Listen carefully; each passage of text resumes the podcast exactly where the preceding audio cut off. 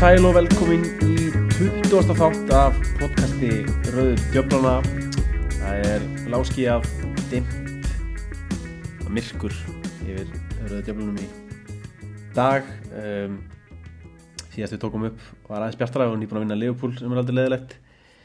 Síðan þá hefur hafa hjólinn svolítið farið af vagninum aftur eftir ágætisgengi uppafi árs.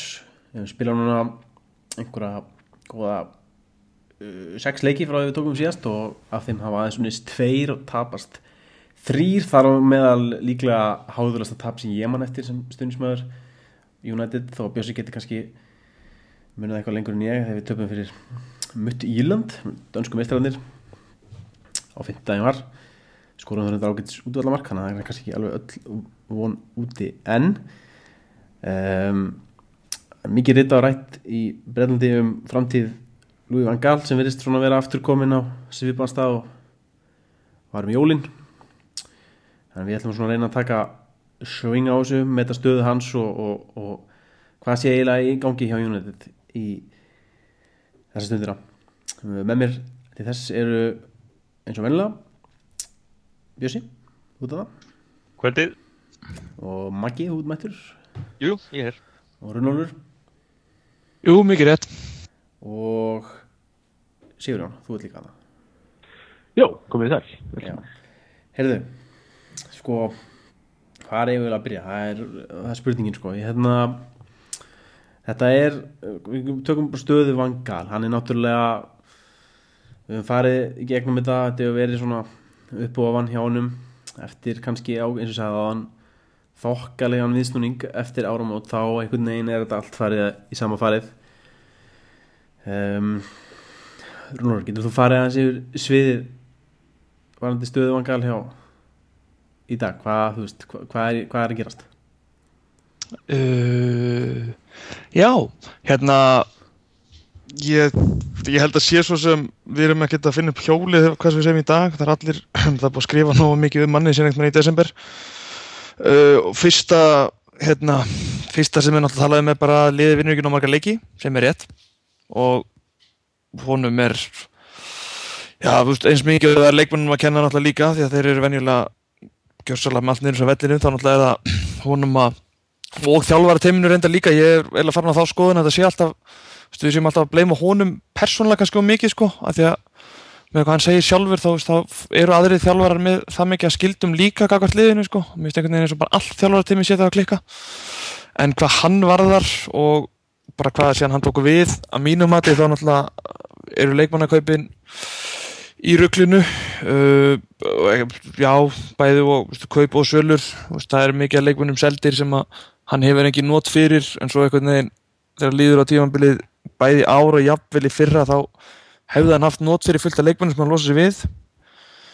Ekki kannski fullt en allavega nokkra sko en það er hann búin að klippa alltaf rosalega mikið. Um, mér persónulega finnst leikmennir sem hann kaupir ekki, þú veist ég veit ekki, það eru rosalega fáið sem mitt eftir í hug sem að hérna eru þarna inni sem hafa gengið upp sko, þú veist, það er alltaf Marcial núna um, hann alltaf lítur mjög vel út en ég er samt að því að hann hérna var líklega eins mikið og við viljum ekki vikuna þá svona í svega var hann panikkaup af því að hérna hann alltaf kiptur á síðasta deginum og mig grunar er hafi alls ekki alltaf að kaupa hann strax en það ný orðin tvítugur ef ég maður rétt.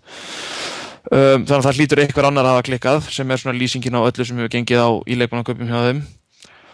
Og veist, Luke Sjó lúkaði vel í byrjun þess að tíðan bils lúkaði ekki vel í fyrra fóbrotnaði, Róhó lúkaði vel þarna áður hann fór hann axtaliði fyrra hefur eiginlega ekki verið með síðan. Og restina leikmannunum hefur bara ekki fungerað. Og margir eða með einhvern veginn sko, eins og sé að spila þeim út úr ekki, jú, náttúrulega sumum með bókstar að spila út úr stöðu en sko mín skoðun eins og með miðjumennina er svo að hérna uh, hann er með þrjá hérna Karreg, Svenstakir og Snædelin sem eru allir svona þeir vilja helst þetta vera eitt fyrir fram á vörnina. Þeir, þeir hafa alltaf verið Karreg var þar í fyrra, Snædelin var þar í Sáðandón núna er búin að tróða þeim tveimur hérna fyrir og það er eins og þeir bara funkar ekki saman einhvern veginn. Ég veit ekki af hverju, bara eins og þeir vinni betur einhvern veginn einn á þessu svæði sem þeir vann að vera á.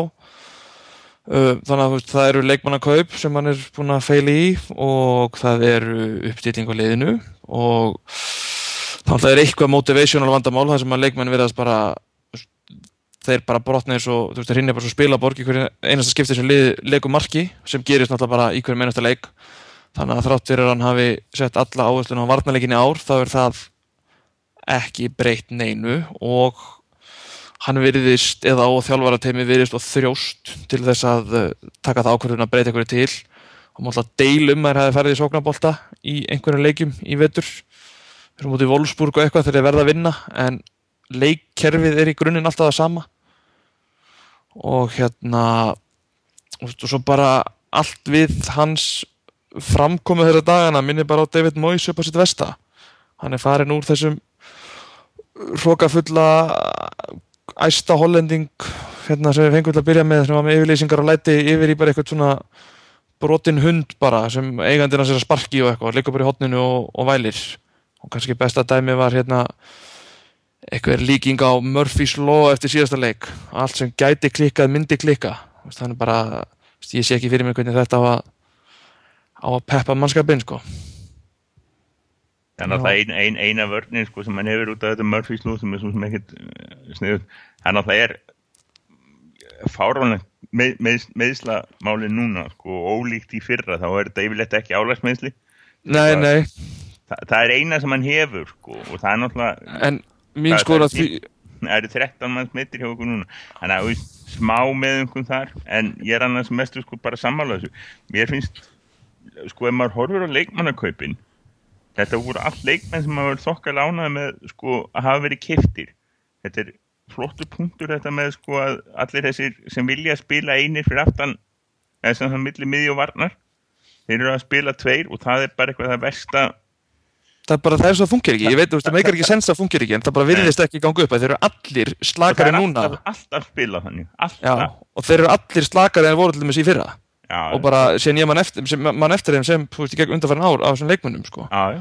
þeir eru allir bara verið langt undir pari. sko, punkturinn sem ég hef verið að hugsa um mikið síðustu mánuði sko, það er þessi, það er verðið. Núna eru verðið að pumpast upp með bæði náttúrulega Kína pumpar verðið og, og nýju sjónarsamningurinn og við hefum verið að kaupa þessa 25 miljón pundamenn 30 miljón pundamenn og það er bara orðið þannig að það er orðin svona players það er orðin leikmenn í hóp.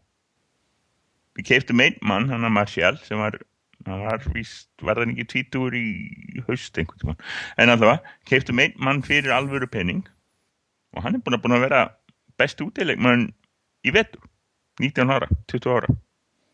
Og hérna, það er bara máli það eh, við erum ekki lengur með það góða menn að við getum verið að kaupa einhverja hópleikmenn. Það þarf að kaupa first team player. Það er, já, þeir bara annarkort fást ekki og það, það er sko og það er náttúrulega eldingarleikurinn hjá útvort við alla hugsanlega og óhugsanlega menn sko það er það bara hennilega er ekki virka. Og fyrir viki sko fá, fáum við enga þá sem við viljum mest og erum að fá einhverja svona eins og ég sé, leikmenn í hóp. Það er líka önnur pæling sem ég hef með, sko, þannig að hann losaði sig við með þessi mennflokku sem náttúrulega svona Deadwood og allt það, sem er náttúrulega gott og blessað. En sko Mois var náttúrulega að díla við það að hann misti náttúrulega út að, nei þeir voru hjá honum en Van Gaal var að díla við þetta að byrja með að Ríó var farin, Vítids var farin og Evra var farin og veist, það er náttúrulega svona stórt tjönk úr bara úr klefanum skiluru sem að kannski maður pærir ekkert í og átt sér ekkert á þannig séð, veist, hvernig dýnamikinn er inn í klefanum. En svo sko, veist, svo kippir hann út svo mörgum leikmennum finnst mér persónulega sem eru, búinir að vera þarna í einhvern ár og mögulega hafa, einhverja svona dýbri tengingu þá við félagið, þú veist, þó þessi ekki endilega búin að vera þarna frá því að vera 8 ára, en þú veist, Rafael er keiftu þegar hann er 16 og kemur þegar hann er 18 og búin að vera þarna í þá næstu í 10 ár núna í ára allavega. Og þú veist, og svo bara að ég veit það ekki, þú veist, hann klift, þú veist, hann klift svo mikið í burt og svo fær hann inn fullt af nýjum leikmönnum sem að, þú veist, það er ekki, þú vitur um hvað félagi snýst og allt það, en það er eitthvað svona, eins og sé eitthvað dýbri tenging sem vanti. Og þú veist, svo það, náttúrulega, það vantar mann í klefan sem er brjálaður yfir gengi félagsins akkurat eins og það er núna já, mér, veist, já, það, það er bara enginn þannig núna nei, það, nefnilega eiginlega það var ekki, enginn út af vellinu þannig að móti mitt Jylland sko þegar við fáum okkur þetta senna markana sko. Já, Smalling, hérna, stappaði og báð út höndum og gargaði lofti síns mér en restinn setti bara hausin í bringuna og, og lappaði átt á miðunni sko. Já, það hefði verið einhver, það hefði maður giska á smóli Já, það var eini leikmann sem ég var að horfa á markið um daginn sko. Rafael hefði verið eitthvað svona Chicharito veit ég ekki um, hann hefði verið fýtt skotplayer sko þegar allir eru meittir en ef þú ætla bara að spila meitt frammi þá, að, ég veit ekki, ég, hann hefði að hann væri orðin fúll sko hann hefði fengið í lengin takkifæri í veitur. Þannig að ég, ég, það eina sem ég hugsa um sko þegar ég hugsa um hvað var selt sko þá, þá er ég að spá í sko hvað mikil áhrif hafði Van Gaal og hvað, hvað áhrif hafði sko Woodward, peningamálin. Ég meina eins og þetta að losa Nani og Van Persie sem voru svona á nippinu sko. Þeir hefðu ekki verið aðalmenn í vetur þeir hefðu verið góður að fá inn sko. Já, það er náttúrulega hérna en þeir önnur eru náttúrulega seldir og það losa sko. Bara þessi tveir losuðu sko 400.000 pund á viku. Hva, hvað vorum við að tala um um daginn? Þeir voru þarna þrýr, Falcao, Percy og Nani þetta var hvað, United var að spara sér 17 miljónir á ári í budgeti bara síðan í fyrra 600.000 pund á, á viku. Þetta var stjartfræðilega há upp að allavega sko, sem Já, að það hefur alveg örugla það þarf enginn að segja mér að það hefur gert áhrif á ákvörðunartökun á einhverju leiti Jú, jú, vissulega hefur það haft áhrif á, á ákvörðartökuna en sko, það sem ég finnst vera hvað augljóstast í þessu er akkurat það sem að hérna Runólu myndist á, var það að Vangal kemur inn með svo mikinn sko, mikinn yfirgang og, og hróka og ma maður svona var spenntur fyrir því sko og núna væri komin, þú veist svona Ferguson típa aftur í brúnna sko, það sem að myndi bara riðja mönnum úr vegi ef að þeir myndi ekki haga sér og svo framvegis. Og ég held að það hafi raun og verið verið sko hans hérna hans svona ákvörðan að taka á fókus í byrjun bara að reynsa til, henda mönnum út já já, þessi má fjúka, þessi má fjúka. Þú veist, ef við erum að fara að tala um hérna þú veist, hérna, að fara hliðra til hérna peningalega séð og svo framvegis, þú veist, Hernandez var seldur á hvað var hann seldur á aftur? 7, 7 miljónir punta eða? það var langtíðasti leikmann sem var seldur líka sko. Já, veist, það- allir aðrir fóru bara á sko, hann var seldur, seldur á sama verðu og hann rauninni kostaði þannig að United kom út á slettu sem er fáralegt en sko hérna þú veist og svo hérna einhvern veginn bara náður ekki inn þeim leikmennum sem þeir ætluðu sér og það er hérna og þarna er stærsti punkturinn sko. Og ég held að, að hérna þe- þessi þetta hrun á hérna, leikmenn hafa meðst og þó hópurinn er þvílið þunnur og, og hérna mennur að meiðast og þú veist hérna Bjössi segir að Hernandez fengi ekki að spila neitt í vetur. Ég, veist, ég er mjög ósálega því vegna þess að hérna, ég er alveg á því að það hefur verið hægt að róteita þú veist, Rúni þú veist, upp á topp eða niður í hólu eða upp á topp niður í hólu veist, með, með Hernandez eitt með það, við höfum við, síðast þegar ég síðast þegar ég sáum Rúni í hólunni og ég held við tekið það podcasti, við vorum allir saman um að það hefði bara væri alls ekki að virka. Nei, nei, við erum alveg sammálega um það en hva, hefur hólan eitthvað verið að standa sig skiptir ekki máli hver er í hólunni? Og, en við erum með, er Martial- sko, ekki hefur Marshall fengið takkifærin í röðum. Ég veit ekki, ég, jú, jú Hernandez hefði örgulega fengið að spila eitthvað og hérna en það sem En- ég segja- ívilnandi fyrirgefðu. áhrifin á mig út af þessum leikmunum sem voru seldir af því að þeir eru ekki sko, þeir eru, þeir eru örgulega fengið að spila af, meðal annars út af öllum þessum meðslum og þeir eru örgulega fengið einhver takkifæri þar því þeir eru hinnlega betri en sumir sem hafa spilað. En ég er bara eins og Raunar voru að tala um taktikina eins og hún hefur verið í vetur. Hún er óbreytanleg það gerist aldrei neitt nýtt það er aldrei neitt reynd og ef það er eitthvað reynd þá er strax gefist upp á því það er bara, hún örugglega- eðalagt alla þessa leikmenn sem við erum að tala um sem veist, hefðum kannski ekki átt að selja. Það er bara ég, Nei, nei, svo er það önnur, umræða það er eiginlega hefðu, miklu sko- stærra mál og það er það sem mér finnst sko, skipta í raun og verum og það er einu aðal ástæðinu fyrir ég vil sjá kallin burt sko. Ég, ég Já. var, hérna, það verðist alltaf einmitt, og segja, vera sama rauninni hver spilar. Já, ég það er, já, ég hef mikið pælt í því ég mitt, veist, það er eins og ég sagði allir bara, það, það við getum keipt hvert sem er en það virðist bara vera, jú ok, Martial lukkar góður, það er mögulega því að hann fær þá meira frálsræði margir aðrir og honum er fyrirgefið á stuðnismönum en það, það lúkkan ekki vel í þessu leikplæni einhvern veginn, það eru allir veist, það er að smalling fyrir áramót og DG af því að það er nóg að gera, skilur við hérna, einn punktur varandi til dæmis Hernandez og, og kaup og sölur að sko, þú veist ég hef alveg sagt það það ég hef ekkert á móti að, að losna Hernandez þannig séð og þú veist ég er ekkert við sem hann hefði verið eitthvað raðin mörgum eins og hann er að gera hjá Leifkusin í dag sko. en náttúrulega vandamálu er að hann var látið fara á þess að það kem einhver maður inn í hans stöðu sko. þú veist, maður hefði alveg skilið þetta ef planið hefði verið- að veist, nota Wilson meira. En hann með því að losa sig við Hernandez þá bara svona skara niður um einn. Þannig að það er aldrei neitt valmöguleika bekknum fram á við. Þú veist, það er enginn framherri og þú veist sjáum þetta alveg í fleiri stöðum eins og með, þú veist, Jansæ spilaði fyrir hvað, fjórleikina var svo allt í hennu sendið til Dortmund, þú veist, það hefði verið fínt að hafa hann það er svo óskiljanlegar þessar sölur að það kom veist, að það skar hópin svo svakalega niður það var ekkit engin breytt eftir. Það er svo, það er sem mann finnst svo skrítið sko. og Og- og Það er eins og hann sagði sko þetta hann, ég veit ekki hvað hann hann vildi fá tvo leikmenn í hverju stöðu. Þetta er eitthvað sem hann hefur heilt áður. Þetta var eitthvað sem var í gangi hennar 2000 og eitthvað, margir voru að segja þetta sko Ferguson sagði þetta einhvern og svo fáum við bara sko tólmeðsli þá erum við með mínus sko, þá Já. erum við 0,9 í hverju stöðu. Akkurat, og náttúrulega, þú veist, þú varst að tala um að hann var kannski svona vorkun út af meðslum hann er, er það raunin samt ekki, þess að hann lendi náttúrulega í þessu fyrra þó kannski meðslinn séu að öðrum toga. Þetta er ekki þessi vöðameðsli, þetta er svona impact meðsli en enga síður að hefða nú samt átt að láta þessi segja þessi það að, að þú veist menn meiðast í þessari deild og það er ekki tækt að vera með, þú veist, hvað er að með? Já, þetta er 18-19 manna hópur pluss og einhverjir hérna unglingar sem það er ekki, það er ekki, það er ekki 20 sko reyndi leikmenn í þessum hóp. Og það maður- sést, og það sést bara á spilamöskur En Ég þetta, en þetta ég er akkurat þetta það því ég er að tala það- um varðandi hérna, varðandi hrókan sko. að þú veist, að hann bara veist, þetta var planið að reynsa hópin út svona. Og svo klikkar eitthvað aðeins hjá honum að, að fá inn leikmenn. Og hérna og hann er að átta sig á því núna og það er það sem að er, þess vegna lítur hann út svona eins og sprungin bladra en þess að hann átta sig á því að sá, það er ákvarðanir og, og, og það hérna þe- þetta attitude sem hann var að sína fyrir ári síðan það er, var engin innistæða fyrir því. Skilur, og menn er að, er að kalla, veist, call him out núna fyrir þetta segir þú gerir þetta, þú gerir hitt og, og veist, þetta er ekkert að ganga. Og hann hefur engin svör. Hann, hann hefur engin svör, þú veist, hann, hann ætti það í var raun ekki og einu sem reynd að bæta aðeins núna inn einum eða tveimur í, í en það er náttúrulega Já, ég ok, held að- ég, ég, ég því við reyndum að fá, fá Debussy lánaðan frá að en kaupa það er líka bara segir, sko, þannig að yfirmaður sem segir Kom ekki alltaf fram að það ætla að fáum reyna að kaupa leikmenn lánaða frá Arsenal, við getum alveg eins glimt þessu. Þú veist, það, það, það virk, þetta virkar ekki þannig Lúi.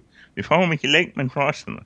Ekki á miður tímabili. Þetta er ekki, þetta er ekki eins og þetta er nefnilega svo fyndið, ennska deildin er sér að partið með þetta. Og Ítalíu þá lá- lána sér liðið sko fram og tilbaka alveg sama hvað lið það eru. Og rauninni í Þískalandi líka en Englandi er svona hérna, svolítið eins og hérna. Það, þú veist, það er svona, svona træpal og það er reyni sko svona svolítið neyðarlegt ef þú sækir leikmenn til hinna stórliðin eins og þú veist þegar Silvestri fór til Arsenal á sín tíma, þá hlóðu við því bara, haha, þeir eru að fara að taka Silvestri á Já, það, þú veist, þetta, var, þetta var svona öfugur Silvestri þessi, þessi að reyna að fá Debussy sko.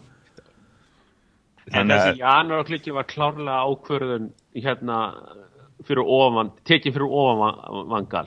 alveg 100%, og 100%. það, var- það er vandamálið sem að að öskra bara að þeir hafi ekki tröst á stjórunum, já, algjörlega Já, og svo líka, þetta er vandamálið, það er engin struktúr á klúbnum, sko, meðan að önnur lið voru að byggja upp struktúr, þá vorum við bara með einn mann hann í brúnni sem að var að vinna, sko, verk þryggja til fjögura.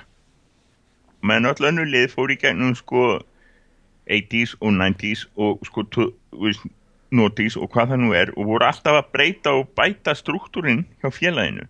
Það bara var sörinn hjá okkur og bara gerði þetta allt og sá til þess að það var allt gert og Da- David Gil- Gill í hálfri stöðu að samþykja bara og, og Gil var líka, hann kunni líka hann var líka góður sko díler, þegar að koma því að, að gera dílana sko. Þá var hann góður víler díler. Og, og veist, kunni á að var með réttu tengslan, tengslin og allt þetta sko. Þannig að ok, við vorum með næstin tó fyrir ofanfangal í dag eru einlega engir sem ráð einhverju sem að hafa vita fótbolta? Nei og svo hefur náttúrulega boltin líka breyst svo mikið, þú veist, og gill og þessi gaurar. Þetta voru svona old money gaurar, sko. Veist, og, og stjórnuðu svona og, og voru í samningum út frá því, sko. Það er komin svona örugglega miklu meiri, þú veist, svona business mentun og, og sport management mentun og, og svo framvegis inn í fótboltan í dag náttúrulega Það sér eins og líðan svo sáþóndan og svona til dæmis Já, það er eitthvað sem segir mér, ég er svo sem ekkert fyrir mér í þessu sko, en, en, svona, svona eitthvað, eitthvað svona gött feeling sko, er að hérna þú veist, þegar Gill og Ferguson voru að semja við leikmenn, þá voru þeir svona, þú veist, já, já, nú ertu komið til United og þetta er það sem við erum tilbúin að bjóða þér, við ætlum ekki að fara að herra, þú þarf bara að sanna þig og vilt fá að herri samning, sko, og eitthvað svona, þú veist, svona, setja smá svona, hérna, eh, motivation í, í leikmennina, en mann finnst kannski svona eins og ef Woodward sé meira með pælinguna, sko, og aftur, þú veist, ég ekkert fyrir mér í þessu, mér bara finnst þetta að vera líklegt. Hann segir bara, já, nú ertu komið til United og þá átt þú nú skilið ansi feitan samning að þú ert nú búin að ná að hinga langt þannig að þú skulum bara gefa þér hérna 200 spunda viku og hérna þú fær hérna bíl hérna og, og þú veist, þannig að svona, þú veist, þessi þetta motivation Ótæmast marka til. Já, og E- þú veist, e- e- eða- Eða auki Þetta myndi útskýra Memphis. United og við borgunir feitum samning.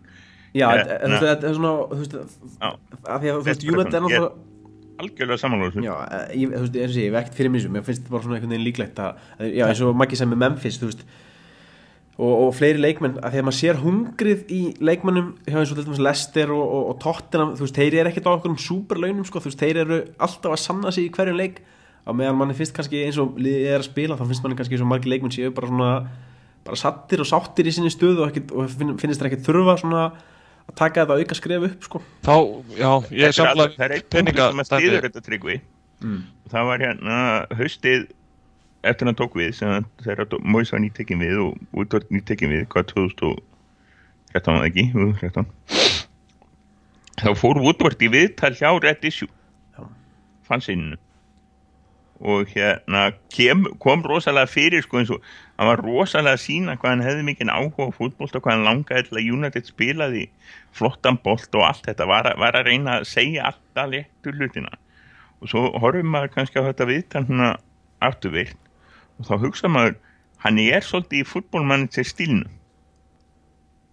finnst manni, kaupa og vera flottur og svona eitthvað, veist, kaupa Neymar og kaupa sko, eins og hann að fyrsta sísoni sko, kaupa alla, allt sem reyfist sko, nema hvað það vill enginn koma til United. Af því að veist, við erum bara notaði til að hækka launi hjá núverandi félagi og glætan að ég sé að fara frá Barcelona til United segir, segir sko Fabregas og fer svo til Chelsea árið eftir glætan að ég sé að koma til United frá Bayern segir eh, Thomas Müller og, og hérna en talar samt sko heldur áfram að stringa menn áfram og, og bara Woodward trúir öllu og eitthvað. Þannig að hann, að hann langar svo til að kaupa þessa flottu leikmenn. Þannig að ég veit ekki sko það, er náttúrulega bara stólega vantar er struktúr í klúbun og þetta er, þetta er náttúrulega bara búið að vera vandamál okkar, okkar ástkæru eigendur bera náttúrulega alveg gríðalega ábyrð á öllu þessu Tök, sko, tökum það aðeins eftir. Höldum okkur við hérna, bara, reynum að halda okkur við vangal eins og er. Og einn eða sem rauninni veist, það sem að mínum að þetta er svona aðalvandi við vangal þá tengist öllu sem við erum að tala við það er leik, leikmann að kaupa taktík og, og allt, en það snýst alltaf að honum er mistekist að gera leikmennina betri sem alltaf höfu skilda hvers þjálfara. Þú veist, þú getur ekkert keift leikmenn fyrir 50-60 miljonir hver einstu stöðu, þú veist, að einhver staði verður að hafa hérna, þú veist, einhver staði verður þjálfarinn að íta þessum leikmenn sem er ekki toppleikmenn upp í að vera toppleikmenn. Og það er náttúrulega það sem góði þjálfur að gera það sem Ferguson gerir það, sem hann er, er, að gera, hann er ekki svona toppstjóri, en það er það sem hann er að gera hjá Lester hérna eh, Pochettino hjá Tottenham, skilur, og þar hefur hann bara þú veist, hann er að því að minna, ok þó að sé náttúrulega allt eh, sem í rjúkandi rjúst, sko, þú veist, þá er þetta ekkit þetta er ágætis hópur af leikmunum og þú veist, með, manni finnst alveg með réttum þjálfara. Manni finnst meiri sér ef Lúða Vangal myndi örlítið breyta til, þú veist, svona aðeins einhvern veginn breyta taktikinu eitthvað þá gæti þetta virka, sko. Það honum bara algjörlega mistekist að að, þú veist, já, að- að að gera leikmennina betri. Algjörlega sammála. Það eru leikminni og maður hugsaður alltaf fyrst og fremst með herra Já, er eitt einmitt með Herrera sem, er, það kemur inn á að, að það er að tala hvað hann sé upp og niður. Það er út af því í- hann er ofta að spila kannski þrjár misfandi stöður sko á miðjunni í þrem leikjum í rauð, það er ekki sem sé alltaf á, í sama hlutverki.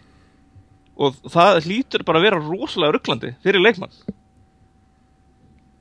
Já, líka svo skilabóðin einhvern veginn, þú veist það er svo skilabóðin séu líka svo mis að þú veist, bara, þú veist, það fá ekki rétt að, þú veist, ég skil, þú veist, það sem ég veit ekki hvað er að gera þannig sé, þú veist, eins mikið það nánáttúrulega að vera reglu óður, hvað var það hvern, hver einstu stöðu eins og sagði með Herrera, þú veist, hann flakka þarna upp á milli, svo þurfum kannski settur hann fyrir neðan, þá er hann sagt að þetta kannski að vera meira mobile og meira aggressiv heldur til þess að karri eitthvað í sumu stöðu en, veist, en samt einhvern veginn þá funkar það ekki fyrir liðið sjálf veist, og þá er alltaf, vantar alltaf mann í stöðuna sem hann á að vera og þá fer allt í háaloft hvað var það alla sem eru að horfa á leikinn og þú veist, allt þetta. Og svo er mitt á hann lélægan leik og þá er hann bara settur aftur á bekkin sem að fylgir alveg bara já, Þetta er, sem, er náttúrulega, er, er hræðilegt finnst mér, hræðilegt man management.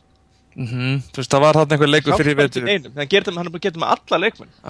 Ég man ekki hvað leikur var í vetur, það voru Memphis og Snædilin áttu ekki góðan leik voru búin að vera í liðinu, já, fengur start við einu leik skilur og hvort option á bekknum voru ekki sem það mörg, en svo voru þeir báður komin aftur á bekkin í næsta leika, þeir áttu báður átt svona frekast lagan leik, en þú voru aðri fimm líka sem áttu það, en það voru bara, þú veist hafsindarnir eða eitthvað, og hann var ekkert að róta þetta þeim, þannig séð Það er líka kannski að því að, þú veist, miðjan var einu staðan sem hann gæti leift sér að, að taka leikur út af því að það var einhver lélegur. Í í öllum hinn stöðunum hefur hann bara ekkert haft neitt val. Þetta var samt alveg komist þannig í byrjun tímabils þegar Karrik og Svænstakir voru bara eins og það væri fjórðaflakki sko, það væri markmenn svo skiptir í hálfleikum sko. Vist, það var bara, já, þú búin að spila 60 mínútur, já, ok, hvað út af. Karrik farð þú inn á, Karrik byrja næsta leik. Spila... svo fyrir Svænstakir inn á í hálftíma, þetta bara skipti engum máli hvað þeir voru að gera og hvernig stóðu sig, þetta var bara alltaf eins. Það, það er ákveðin írunni því að ef að, ef að Memphis er keftur sko ef að Ferguson hann verið þjálfur þá verður við búin að sjá hann sko, hann var ekki í veist, M7 dæmið væri ekki væri ekki Talan- sko já. að trenda og þetta kæftaði talandi um það, þá þarf líka einhver að bróka Phil Jones sko. Herru, sáuð þetta never, never forget og hann notaði til að plugga sjálfan sig já, ég sá það, það var, já Já, sá, það sáðu það allir leim, Það- það næri ekki einu Það svona var punktur í greininni sem að hann hérna og hvaða brand er hann auðvitað, er þetta sjúkrarúm eða? Nei, þetta er, þetta er, já ég veit ekki, svo, ég veit þetta ekki hvað hann er með sko. ég, ég hef ekki fylgst nú mikið með hvað PJ4 á að standa fyrir. Nei, þetta sá maður ekki, maður sá ekki G11 eða, eða Nei. Nei, en það náttúrulega er að, að vísu leiti sko, þetta er náttúrulega bara breytt og, og, og hérna og ég, ég til dæmis sko mest af því sem verið er að hraun yfir sko Memphis greið fyrir finnst mér vera algjör titlingaskítur. Að maðurinn haldi upp á ammæli sitt það er ekki ástæði til að vera hraun yfir einhvern saman. Nei, ég er alveg er sérstaklega þegar hann á frí daginn eftir, búið að gefa frí.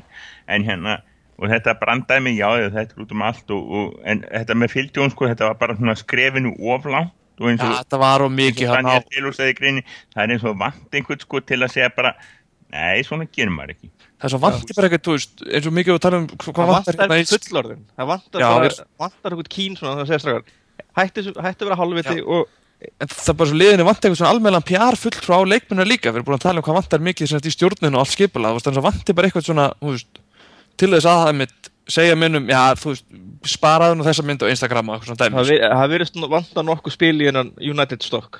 Ég er að segja það, sko, þú veist, og það var svona ótrúlegustu spil, sko. Já, ég er, ég er alveg Þú veist, af því að mér finnst oft leikmenn vera bara, þú veist, að ég veit það ekki Jú, jú, þú ert rosa ríkur og allt það skilur eins og einhver blaðamanni sagði nú ef þú ert að borga meður 100 pund á viku þá er ég öruglega eða því ég vill þessu líka. En hérna, það verður svona að vera mér finnst, þú veist, það er einhvern veginn engin já, að ég veit ekki, það er svo sé ekkert svona utanumhald utan að það, sko. Þess að með auðmikið Phil Jones. En svo, ég held að þú veist, hann er bara pottitt fengið einhver hefur komið til hans bara hérna hann tar ekki svona svona þú og svo græðir hann þú veist, einhver heimasíðu og, og sér sem segðu týstir þá, hérna, þá setjum við þetta hérna. Og svo gerum við eitthvað svona myndbund og eitthvað þú veist, hann bara, já, ok, fínt maður. Þú veist, ég held að hann sé hann er ekki hugmynd um þetta, það er bara eitthvað svona gauð sem er bara Já, svona, með svona social Ég- media þeir strategi gera þetta fyrir ekki hann sjálfur sko. Var ekki eitthvað dæmi fyrra í hitti fyrir að það sem kom alveg nákvæmlega týnstið Instagram frá sko bæði Fabi og Rafael og einhvern tveim öðrum sko sko þá kemur þetta bara það er einhver sem sér undan fyrir þá sko. Ég held að líka bara sem við sjái- allir, með- Adidas logline hashtag í, í haust. Já þeir fá borga þetta, fyrir það. þetta, er bara, þetta er bara, þú veist, það er eitthvað sem sér um þetta fyrir þá. En ég held, ég held sko eins og þið sjáu þeir eru post eftir leiki. Allt eitthvað offisíal myndir sko eitthvað svona sko. Já, það er ekki, það er bara klálega ekki þeir. uh, það gæti verið þeir en þeim er þá sendt myndin og sagt að gera það sko. ég held að Einu maður eins og veist að er að týsta sjálfur er þegar Vein Rúni er að týta sko. Þú að- það alveg, já, en Rúni á bara gullkort en, en hann er líka svo on point sko, með alla þú veist, hans hérna hann er náttúrulega ekki heimskur sko. þannig að hann er svo on point með all, allar sínar auglýsingar eins og þegar hann endur sendi tístið af því að sást ekki nógu vel í Beats headphone-in Já, það er okkur Þegar voru flug, fluginn og leiðin til Manchester og nákvæmlega og það er þetta tíst aftur hún er að sína Beats sko. þetta er af því að hann hefur vitaði hvað hann er að gera En- Ég meina, með vera líka aðeins átt að segja því að þessi strákar eru, þú veist, eins og Phil Jones, hann er 24, 5 ára og þú veist, hann er með tvo, hvað, yfir 2 miljónir followers á, á Twitter til dæmis. Ég meina, þessi görur eru að fá, 23, hvað er hann gammal? Hann er eitthvað gammal. Það er 24 eitt með þessar örgla. Hvort það sé á- ár til eða frá, skiptir ekki öllum hérna, þú veist, hérna, hann er, Hann hann, hann, hann er 24 24 í dag. Hann á amal í dag. Til hann hann amal til. 24 í dag. Er að koma reynd. Ef við lefa Sigur hann að halda áfram kannski. Já, kannski. ég man ekki hvar ég var. Allavega, að hérna, þú veist þessi görur eru að fá, þú veist, hérna fanmeila og ég veit ekki hvað hvað frá, frá liði sem að, þú veist, frá krökku sem að líta upp til þessar stráka og svo framvegist, þetta er ekki hérna, þetta er ekki alveg það sama að vera með, þú veist, 200 followers skilur á, og bara Íslendinga skilur á Twitter Nei, nei, þetta er náttúrulega þeir þurfa að viðhalda hérna, þú veist, fanbase-nu og öllu því, sko. En, þú veist, það mann finnst mér svo að sé eitthvað millivegur sem þeir getur allir farið, sko. Þú veist, svo að sé eitthvað svona, að ég veit ekki, já. Já, nákvæm, já, nákvæmlega, sko, einhver, ef, þú veist, Louis, Ferguson hefði sagt, sko, ekkert, Louis van Gaal hefur, segir ekkert, það vantar einhver, sko, til að skilja svolítið Instagram og þetta og segja, veist, þú gerir þetta en ekki þetta. Og einhvern sem er, sko, einhvern svona stjóri. Og ma maðurinn sem á að gera það, vitið þið hvað hann heitir? Brian Giggs. Hann er maðurinn. Samkvæmt því sem einhver segið, þá er hann að halda fyrirlesarinn fyrir sko leiki og eitthvað svona hann er maðurinn sem á að vera svolítið að mannmannin sér leikmyndum til dæmis í svona dæmi. Og Sko, ég fæði það svolítið Er stundum á tilfinninguna. Ég fæði það bara stundum á tilfinninguna að United sé ekki að ráða besta mögulega fólki í hverja stöður innan, innan klúpsins það er að segja að hérna sem dæmi, nú er ég ljósmyndari. Ljósmyndari Manchester United er hörmulegur sem dæmi ok, Hann Þú er alltaf með, alltaf með hérna, hvenar leikmenn er að koma. Hann er alltaf fyrstu með það. Já, já, já, það er kannski ekki alveg að hlutverk en hann er samt alltaf fyrstu með það. En ég er að segja, þú veist, þú veist kannski er einhver social media manager, þú veist, hjá Manchester United sem er, að, sem er bara ekki góður í sínu starfi, skilur og ég- mér finnst alls svona ekki. Mu- muni, sko strákanir, þetta var hann fyrir þrejum árum, tveim árum.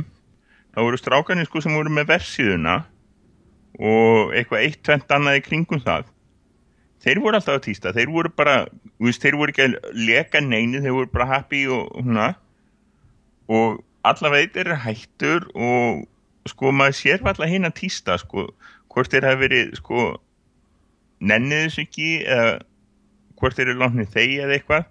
Vefsíðan er náttúrulega sko okkur er búin að lofa nýri vefsíðu sko. Viðst, það er bara tala, að þú ert að tala um svona hvað það er pró.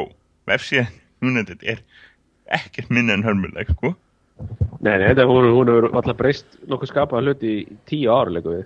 Það var hann að smá breyting þegar þú svolítið fann að hafa sko stóra greinar á einni síðu sko en, en hérna ja, ekki stóra greinar. Og, og þetta er bara svona dæmum unprofessionalism. Það er ekki verið að henda það er ekki eitt krónu í neitt sem að skilar ekki gjald, veist, bara peningum í kassan Já, gró, sem gef- skilur ekki gró, beinum gróa. Hvernig eru getur það verið að kenna? Við komin með það. Já, halda ára Nei, ég ætla að segja, við býðum með það að ræða hvernig það er að kenna Fyrst þú ert- fyrst þú ert komin inn á þessa braut, Heyrðu. þá er bara um að sleppa þig lausum. Það eru bara okkar áskæri eringundur enn og aftur. Og þetta, þetta sko þeir náttúrulega, þeir, þeir taka við 2005 mögur ár svo, svo koma þessi leikmenn upp sem voru keiftir á þeirra þeir koma til Wayne Rooney, Ronaldo ger okkur að Evrópumisturum og undir stjórnsverkusson uh, seljum Ronaldo og, og hérna kaupum Michael Owen í staðinn sem er svínvirkaði og hérna og allt þetta og alltaf sko og þetta hangir allt og svo gengur þetta af því að við fáum þokkalega leikmenn sem að Ferguson nær öllu út úr sem hægt er við erum með okkar frábæru sko, við erum með Fantersar og svo De Gea og okkar frábæru Hafsenda og Evra.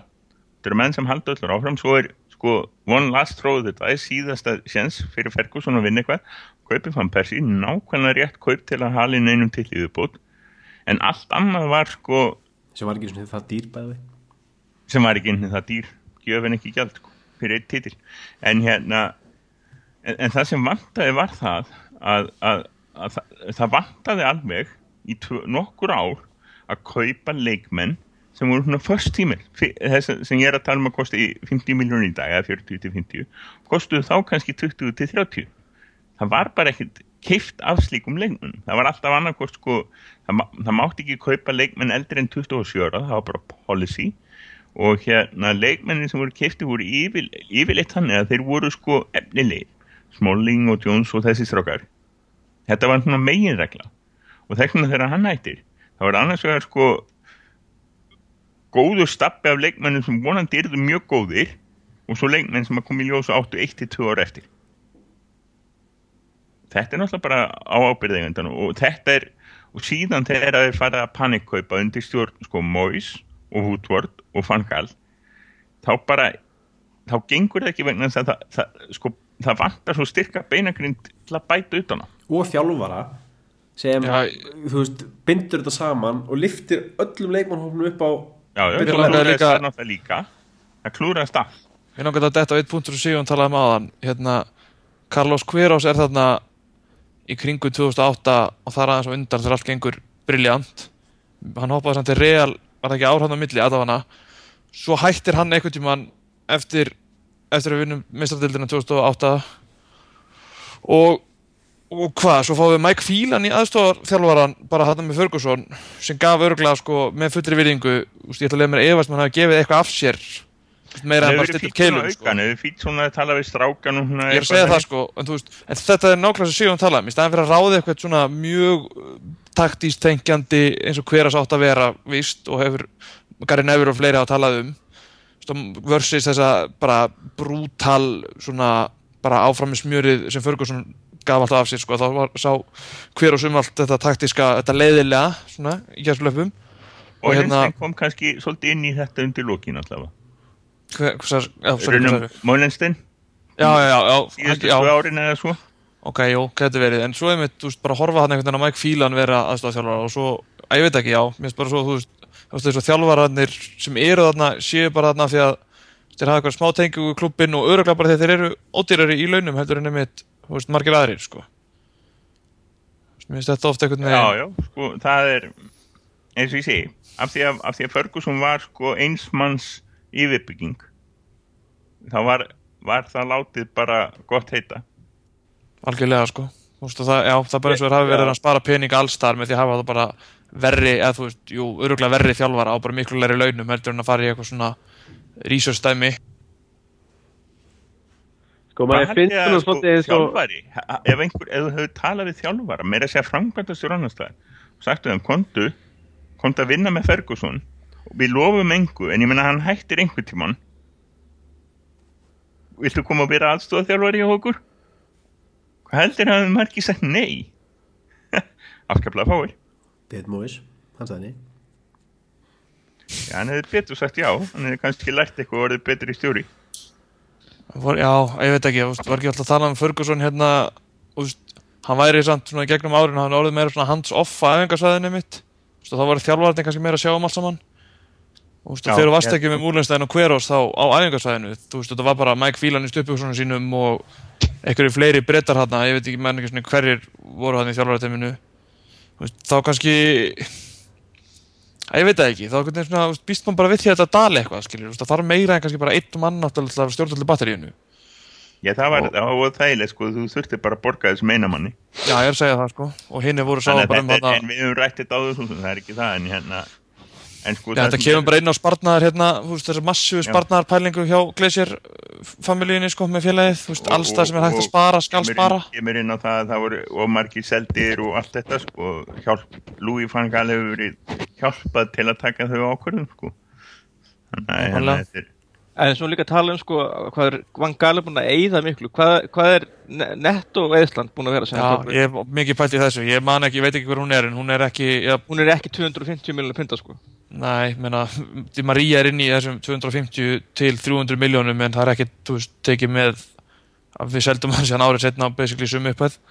og þú tekum við líka launaspartæðin sem við tölum á hann sko. Já, nákvæmlega. það, það er mjög stóri póstar það var, 20 það var 20 Martial milljónir og pund á eitthvað. síðustu mínútu þá vorum við basically í nulli Já, var það ekki þannig, eða? eða mínus jáfnvel sko Við vorum, við vorum að því að Svænstakir kom frekar ódýrt og, og Snædilinn er inn líka Já, þeir voru, já, mér minnir þetta að vera eitthvað leiri, það við voru rétt yfir, já, þeir voru ekki dýn hennu blúsandi eðslu þarna, þannig að Marcial kom, sko. En er náttúrulega líka, að ég held að öll talan hans sé alltaf tekið með í þessu, sko. Já, í eyðslunni, allir sko. þessi bónusar og Allir bónusöfnir eru inn í þessu, ekki bara það sem þeir borguðu fyrir hann í fyrra, heldur allt sem þeir gætu mögulega að borga fyrir hann. Já. Einu af það sem ég sagði þá, við keiptum squad playera eitt risaplayer og hann hefur verið risaplayer hjá okkur Hann er að bara- vera langt besti leikmaður um að, næst bestu kaupin voru, voru kaupin og lélega faxtækinu já. Ég bara En, hrættur um hérna- að brenni út, eða þú veist, ekki að brenni út endilega, en bara, þú veist, maður, maður bara að Hann horfa á fær- Janus að þetta fyrir tveim árum, sko. bara það að hann verður second season í hjá hann gæti orðið frekar daburt sko Já, það er mínu helst Það er sko, hann er klassískt, bara sko. með heilt félag hann á bakinu eins og Janus sagði með hann fyrst er hann kom inn í liði hjá fannst, þú veist, hann var einhvern veginn svona bjartasti punkturinn alltaf í flestum leikjum og svo bara svona, Mér mér, Svo fannst mér hann aldrei spila vel rauninni, síðan þá. Nei, nei, nei, þú veist, svo bara, þú veist, ég það er sem ég líka að tala um, skilu, þú veist, með Gaur sem er ekki hann tvítur, skilur, hann dúkar upp í, þú veist, einu af stærstu fótballtalegjum í heimi, hann bara spilaði eitthvað með einasta leik, þú veist, þá er alveg eðlilegt að þú eigir liðlega leikið, þú veist, þess vegna þarf hann það vi- að geta kilt á. En hann veist að hér eru með sama sko, sumu taugar og Nei, nei, nei. sjálfströst og Marcial virðast verðist vera búin til úr ís bara Alveg. eins einfalt að það er sko eitur svelur sko. Já, en eins og ég sagði, það er bara, maður veit ekki hvað gerist þegar það fyrir eitthvað að klikka sko, þú veist, ef hann ávægsli, þú veist, byrjar illa á næsta tímanbili eða eitthvað Ég er ekki að, ég er allan ekki orðin var, ennþá var við M9 brandið Þannig að það er kannski Nei, hann er öruglega eða peningur með eitthvað annað, börnin sín eða eitthvað Já, Við skulum sjá til hvað verður þjálfara næsta ári Já, það er svo, það er svo annað En, en ok, ég flettu upp, sko, mér sýnir samkvæmt mínum kokkabókum að, sko, í fyrra hafi verið, eða heiti fyrra, verið 127 miljónur í pluss og, og í fyrra var það 27 miljónur í pluss. Þannig að, þú veist, það er, það er, það, það er áður en við getum Marshall, sko, þá vorum, nei, í mínu segi, áður en við getum Marshall, þá vorum við 10 miljónur í pluss, cirka. Þannig að, veist, það er hann sem að setur okkur í. Þannig að það var ekkit, sko, Já, já, eðslan er þarna, en, hún er ekki, hún er ekki að bíka til sko láta lítið út fyrir að vera nei, það er ekki neitt sko. það er alltaf verið að gera grína Arsenal og þeir eru að tala um sko nett og eitthvað svona. Það er bara eðlil. Það er bara Það- vegna þess að við getum ætla, það, hún er eðlilega út af því að þegar við horfum á því hvað miklu peningar er í klúbnum þá er eðlilegt að við gerum ráð fyrir ákveðnum upphæðum sér eitt í leikmenn ekki, ekki sko brútó annars væri, veist, annars hefði verið bara fínt sko, brútóeðslan var fín, ef við horfum ekki til þess að við setjum Ronaldo á sko 80 miljónir keiftum fyrir hvað, 25 Já. á móti, alla já, já, ég, já, já. þannig að við verðum að horfa fengum, þú veist, fengum Valencia Erum við eða ódýrt. öllum þeim peningum, get, getum, höfum við sögur til að kaupa betri leikmenn? Svarið er já, ef þið vilja koma. En talandu um það, hvað ef við myndum, segjum, se- gefum hvað við þurfum þrjá þannig leikmenn hvað er þarna, í hvað stöður Er það ekki það sama og við erum búin að vera að tala um í tíu ár? kan, Af kantur sent- miðja miðverð Já, alltaf sama klísjan Já, við þurfum líklega center líka ef að Rúni ætlar að Já, ég veit það ekki.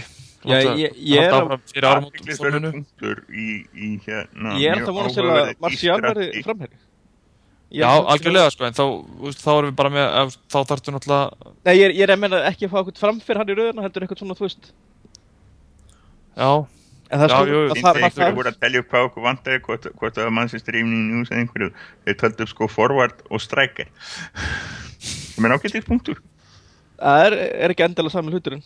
Nei, nei, alls ekki sko. En þá veist, já, það þyrfti samt eins og sagðir, þá þyrftum við, við þyrftum líklega góðan 15 til 20 miljón punda skotplayer í framlínuna af því að þeir eru, Stef Rúni er farin þar að segja.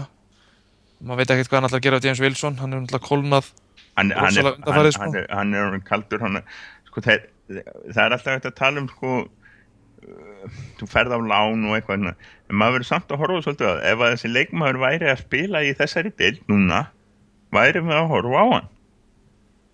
Og ef svarið er nei þá er hann þá bara er þetta átt erfitt að Já, ég er svona Ég segi, ég segi, já, ég er saman því. Wilson Wilson er bara búinn, sko, í mínum huga. Þú veist, það, hérna, hann væri núna í liðinu Þú veist, eh, hvort að, hvað, ég, kannski hann var ekki að spila eitthvað alltaf eða eitthvað En hann væri klárlega í hópnum og væri ekki á ekki láni ef hann væri nokkuð þessi lengað þarf þetta inn í hópin í fyrra, sko, hann er 20, og, sko, hann fættu 90, og- hann er Jones, held ég.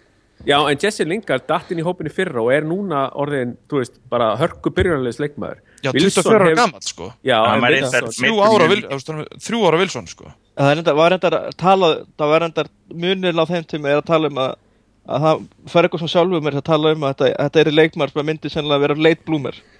Já, Wilson, hvað, akkur Wilson, getur hann ekki orðið leit blúmer þá? eða? Já, Hann það er, menn, menn verðist ekki að trúa hann alltaf er ekki að sína mikið núna, hann er tvítugur og er að spila hérna með að og hann er ein- með, við hýrtum Lingard til hann var tvítugur, sko. Það var bara bekknum í, þarna, einhverju úlingalið það er er alltaf svo skrítið. en er sko, náttúrulega, er náttúrulega bara, líka bara að spila því það er engin annar leikmar til að spila þessu stöðu. Já, hann, já, ég er að segja Það það. er ekki, þú veist, þannig ég ætla ekki að tala um að hann sé eitthvað svona, sé eitthvað brillar og sé verður einhver, sko. eitthvað híró, en hann er þetta bara því, er sem er skrítið þetta að- annar En þú punktur veist, með, sjáu þið, þú veist, hérna, James Wilson detta inn í kriteríu, sömu kriteríu og þú veist, Wayne Rooney og Ruth van Nistelrooy og, og Robin van Persie og, og þessi mest besta falli James Beatty. Hvar, hvar var Robin tvítugur? flottur, sko. hann er svolítið flottur strækir en Strákar, þetta er leikmaður sem- liðum Þetta er leikmaður sem, sko, hann er það er engi leikmaður skorað jafn mörg mörg fyrir held ég, þú veist, Englandslega Englandi og hann var sko, svo miklu, miklu betri en öll lefilega sem hann hefur spilað á hinga til og hann náttúrulega það er svo skrítið að hafa látið hann fara vegna þess að það er ploss fyrir hann í hópnum. Og það er þörf á er leikmann eins og honum. En er En það punkturinn er samt sko, punkturinn er samt sko, ef hann er ekki að gera neitt jobb fyrir Brighton, hvað jobb geta gert fyrir United? En það er það er það sem að, Við vitum náttúrulega ekki hvernig. Brighton er að spila og hvort þeir séu bara almennt frekar léli Þetta er, þetta er mjög aðtöðu sko, eins og eru þeir ekki í, er fjórum eftir að hann spilaði fyrsta leiksin Hann spilaði, hann er að spila leikin með fimm ára millibili. Hann er ekki svo þessi Lingard það hefur verið eitthvað kveiki í fyrstildin en hann var lánið þar. Nei, hann var að skora, sko að skora, að í að sko. Einu sinni fjögumörk í einu leik. Já, það er það er, það var í fyrra, hitti fyrra, sko. Þólimaðin Það er er svolítið minni fyrir, fyrir þessu heldur hún hefur nokkuð tíma verið heldur en ef menn er ekki bara komnir á einhvern stað 21-22 ára þá bara er þeir seldir og, og hann Þólimaður er líka ennþá minni kakvar strækjar og þeir sem þekkja til hjá James Wilson segja að þetta hafi verið bara besti leikmaður sem þeir hafa séð koma upp í United síðan Ryan Giggs var Ég held ég gegnum að lesa þetta líka. Og ég er líka En- að það eru líka var það eru- að lesa um hann sko Það eru ótal dæmi samt um leikmenn sem eru frábæri í yngri liðurum og eru kannski Já, fyrirlið. en þeir voru, þú veist Þú verða sér ekkert úr. það, menn henda ekkert nafni svo Ryan Giggs fram svo öðla sko. mér, finnst, finnst bara, ég er alveg nextlæri við því að menn hafi ekki gefið honum meiri sjens akkurát af því að það er ekki og hann hafi verið að keppa á, á síst, þessu tímbili við Van Persie, Rooney það er ekki margir leikmenn sem er að brillera í núverandi leikjörfi, sko. Og þú veist, hann er í, sko, þú veist, hann er tvítur í Championship-dildinni, sko. Og þú veist, ef menn lásu viðtal við Kára Átnarsson um daginn á .net, þú þú dettur ekkert inn þarna tvítur í eitthvað, þægilegan bolta, sko. Þetta er allt annað, heldur en en að við, við, sko. við sjáum hann spila með Brighton og hann verður vonandi ekki seldur í, í sumar það væri Já, fínt það er mín, við veist, ég ætla að skrifa þetta fimm ég ára samning bara um daginn, sko. Ég, ég er ég er alls ekki að tala um sko að hann eiga að eiga að selja hann, en við skulum hérna, heldur ekki blekka ykkur með að, að hann myndi vera að gera eitthvað fyrir okkur mikið núna. hann, er að fá að spila gera meira en ekki neitt sem er nákvæmlega hann er er að alltaf að er er að, er að fá mínútur og er að spila fótbolta núna. Já, Vilkín er ekki að fara að fá að, hann er að fá fimm mínútur hjá okkur er hann, að- hvað, þú veist, er hann hann að koma fimm mínútur um daginn já, ok, flott Þegar við, þegar við lendum undir mót Midtjylland, þá var hann hendinn á. já, já. E, þú veist ekki þegar var sko kortir eftir, heldur þegar voru sko fjórum. Það er líka einkennir allar skiptingar hjá Van Gaal, það er hann gerir ekki skiptingu fyrir að það er allt farið til fjandans. Já, ég, Gerir engar fyrirbyggjandi skiptingar nema, þú veist, með Sveinstaker og Karrik eða skiptum Og hann að. Hann rúlar inn bara, það er bakvörðarskiptingur um einasta leik, sama hver er í bakverði, og sama hvort er mittir. Samtækstum alltaf með þess líka. En þú veist, hvað var það eitthvað en þetta er af því að hann breytir allir um leikkerfi. Þannig að ef- þú fyttar ekki inn alveg nákvæmlega í staðin fyrir einhvern, maður fyrir mann, þá er ekki skipt. Þetta er, já, já, já, það er hann, annað. hann er meiri sem hættur með þetta plan B þú veist, við sáum á síðast tímul að henda fælega inn í fram það, maður sér það ekki lengur sko. Sko, viðtölu, reynd, reyndar er fella einu búin að er búin að starturinn alltaf líka, það er annað. Já, En, en þú veist, þetta með Nick Powell var það besta, sko. Þú veist, eins og útskýringana sem út í Wolfsburg að Bournemouth var bara, ég varð að gera eitthvað og ég setti Nick Powell inn á. Svo tapar fyrir Norwich og hann gerir eina skiptingu held ég. Og þú veist, þá fór hann er- eitthvað að gera bara ekki neitt. Þú veist, sem er sko, eitthvað það, bara, það, það er aldrei neina svona, já, ef ekki orðað þetta og segja, hann panikar aldrei.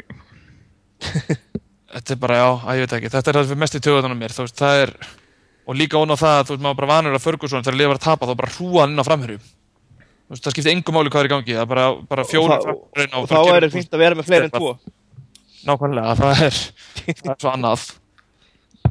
Sko, bara að loka, að loka hérna allan frá mér varandi Wilson, þú veist, ég, hérna þegar ég segja hans sé búinn, ég er ekki að tala um að hans sé búinn, ég held að hann sé bara mér þykir að hann sé, þú veist, búinn hjá United, aðalega vegna þess að mér finnst þess að, þú veist, Van Gaal sé bara, vil ekki nota hann og sá sem kemur inn næst sem næsti þjálfari ef það verður Mourinho, til dæmis að þá á Wilson eftir að vera mjög erfitt fyrir hann að að, hérna, að koma sér inn í hópin aftur.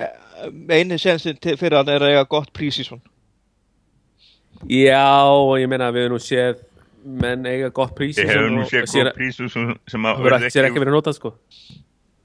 Já, þetta, þetta er góð punktur hjá þið Sigurinn og hérna, ég er þetta er þetta okkur rétt sko og þess vegna finnst mér, þú veist, þa- þetta var tímbilið þess að nota miklu meira með, bara með Rooney, Martial og þá einn, þú veist, að hann hefði fengið fullt af myndum, við erum að spila fullt af hellinga leikjum sko. Þá fyrir við út í það sem við rættum fyrir vetu með þessa fokking utut og einsleikja mánundegi þegar það var hérna, líkuköp á þriðjudegi og eitthvað og hann og Lingard voru bara dúkandi upp hann í utut einum sko. Það hefði verið að halda mönnum eins og Rooney miklu ferskari, þú veist, með því að hafa hennan auka mann hann sko. Bara, Ding, ding, ding, Fernandes Já, eða Wilson, það skiptir ekki máli hver það er, það er bara einhver er það, var greinlega ekki vilji til þess. Nei, þú Og það er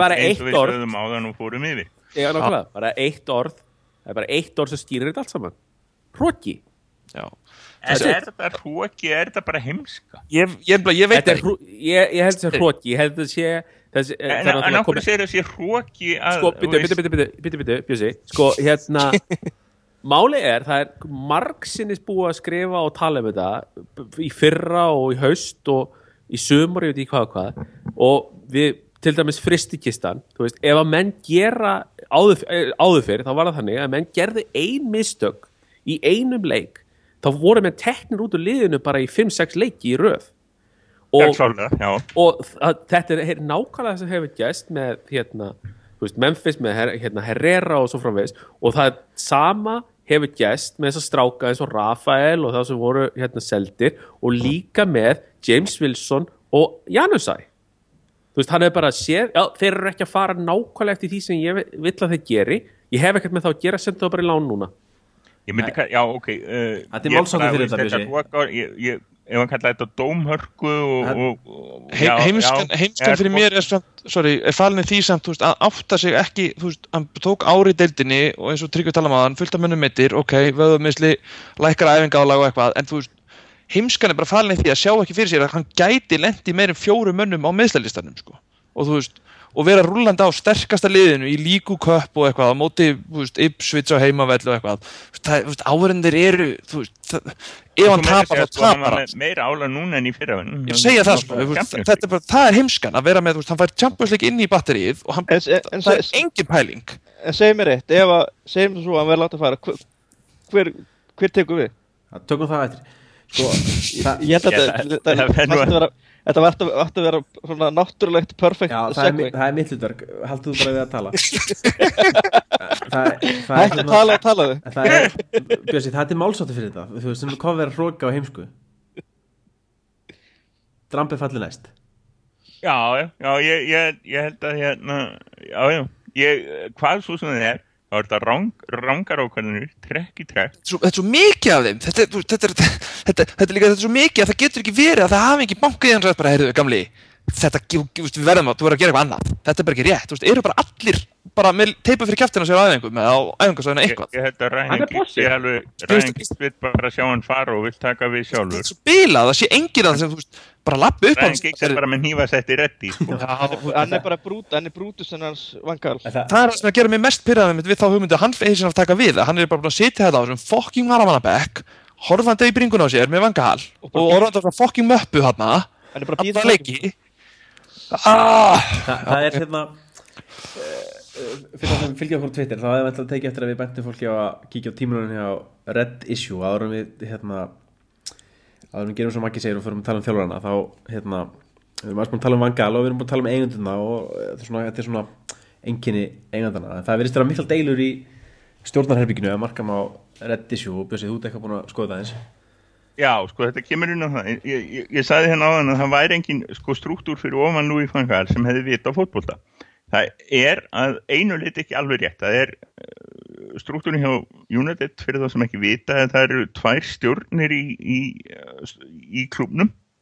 Það er annars vegar svo kallu stjórn knatsbyrni félagsins, fútbólklub og þar eru menn eins og Bobby Charlton og Sir Alex Sir Bobby og Sir Alex Indúmi Sörar og síðan er náttúrulega stjórn hérna félagsins eða stjórn hlutafélagsins.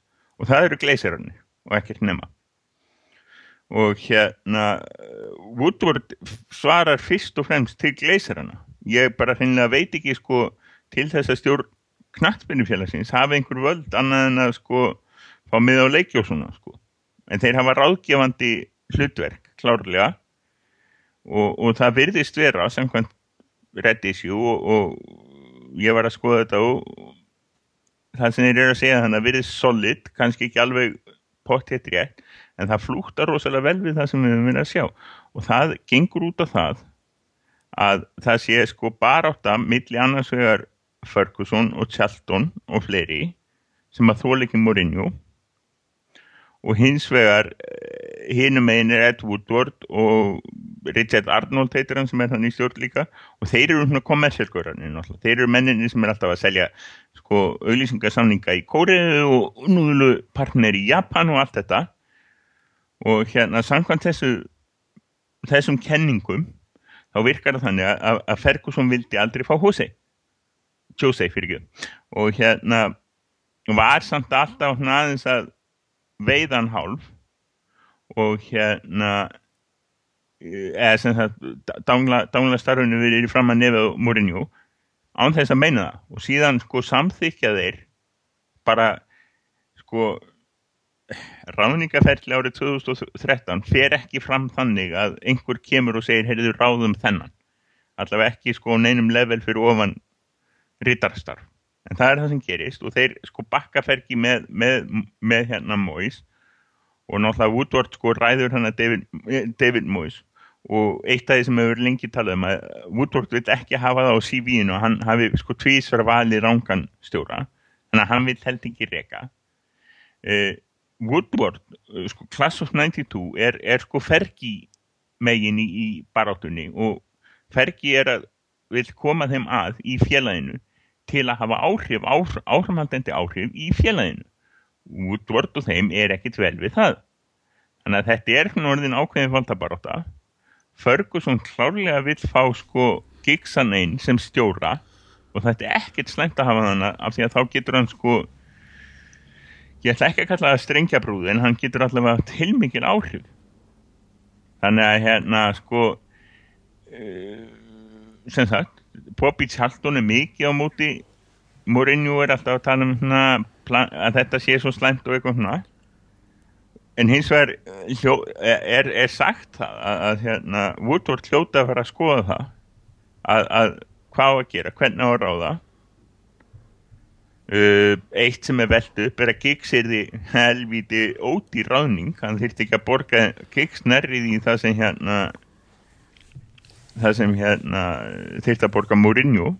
Eitt plani var það að, að hérna Class of 92 þeir voru að ráðast á, á hérna Fangal í allt haust. Svo allt í einu losnar Mourinho og þá seiflast sko allt með Fangal og pluss að reyna að tróða gigs að sem mögulegum hérna mögulegum artaka frekar en einhver annar Ég meina, allt í nú fór skóls að tala fallega um vandarsætti, þetta er ekkert svo slæmt. Já, Þetta var alveg frekar magna að lesa þetta timeline hann í dag sko. Þetta var alveg, Já, tímasetningarna voru alveg full suspicious allt í einu bara. En það er eitt, sem að styrkir út sem að Bjössi verður að segja er að um það Class of 92 og sér hver er ráðin Director of Youth Development? Það er Nicky Butt. Nicky Butt er þenn Director of Youth Development. Ári eftir að gaurinn hættir sko. Hæpa það er árið eftir að líka Gordon hættir og er búin að vera þann allstað allan, allan tíma ég, ég, ég veit ekki með ykkur sko, en, en ég veit það ef að Mér ég mér finnst það sko, líkt eins og það hafi verið barátt um þetta. Þess vegna þetta tekið svo langa tíma. En það er bara mér, þetta enda bara með að það fengi bara sínu fram núna. Já, já, eða, eða ég meina hvernig, er, hvernig pæling er það sko? Ef þú ert að vinna í einhverju fyrirtæki það sem er laus sko millistjórnandastada og þú ert í næsta þreppi fyrir neðan og staðin er laus í ár og svo ert þú tekininn og veist, okkur var ekki viðkomandi ráðininn bara Hver strax hann var hver hver var afsökunin að þeir voru að reyna að endur hérna skilgreina Jú, það, það, var, það var sagt sko í, í, í viðtalinu sem, sem að uh, hérna, hann, hann er að spyrja og svara uh, við, við fjárfesta að, að, að það hafi farið fram uh, ítaleg rannsókn og, og hérna, greining á öllu unglingastarfinu og, og það er vissuleitir rétt þeir ráku hérna, undir 18. þróun og, og og færðu til undir 21 árs og eru konið hann inn með Nicky Butt og, og, en þetta er bara hrókeringar það er ekki verið að taka neitt inn magnaðasta, magnaðasta í þessu hérna, þessum tweetstormi Red Issue sem að vekur kannski ekki alveg strax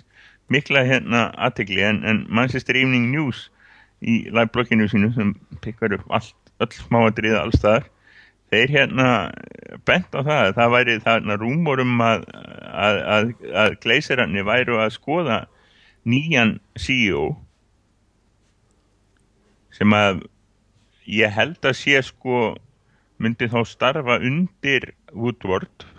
Woodward er fyrir ofan CEO eftir því sem ég þekki best. Could be wrong. Og hérna og þessi, þessi sem verið sé að skoða sé sem þetta Fergie Ally sem bandamaður Fergie. Þannig að ef að svo er þá er bara way yippee cola en þá meiri innan félagsdeilur framöndan og ég veit ekki með ykkur og ég, mín skoðun er svo að, að hérna, ef þið getið fundið handa mér eitthvað annað dæmi heldur en hérna Pep um það hvað fyrirvændi leikmaður stígur upp og verður frábær þá síðasta sem ég dættur í kenni í daglis fyrir 30 árum síðan.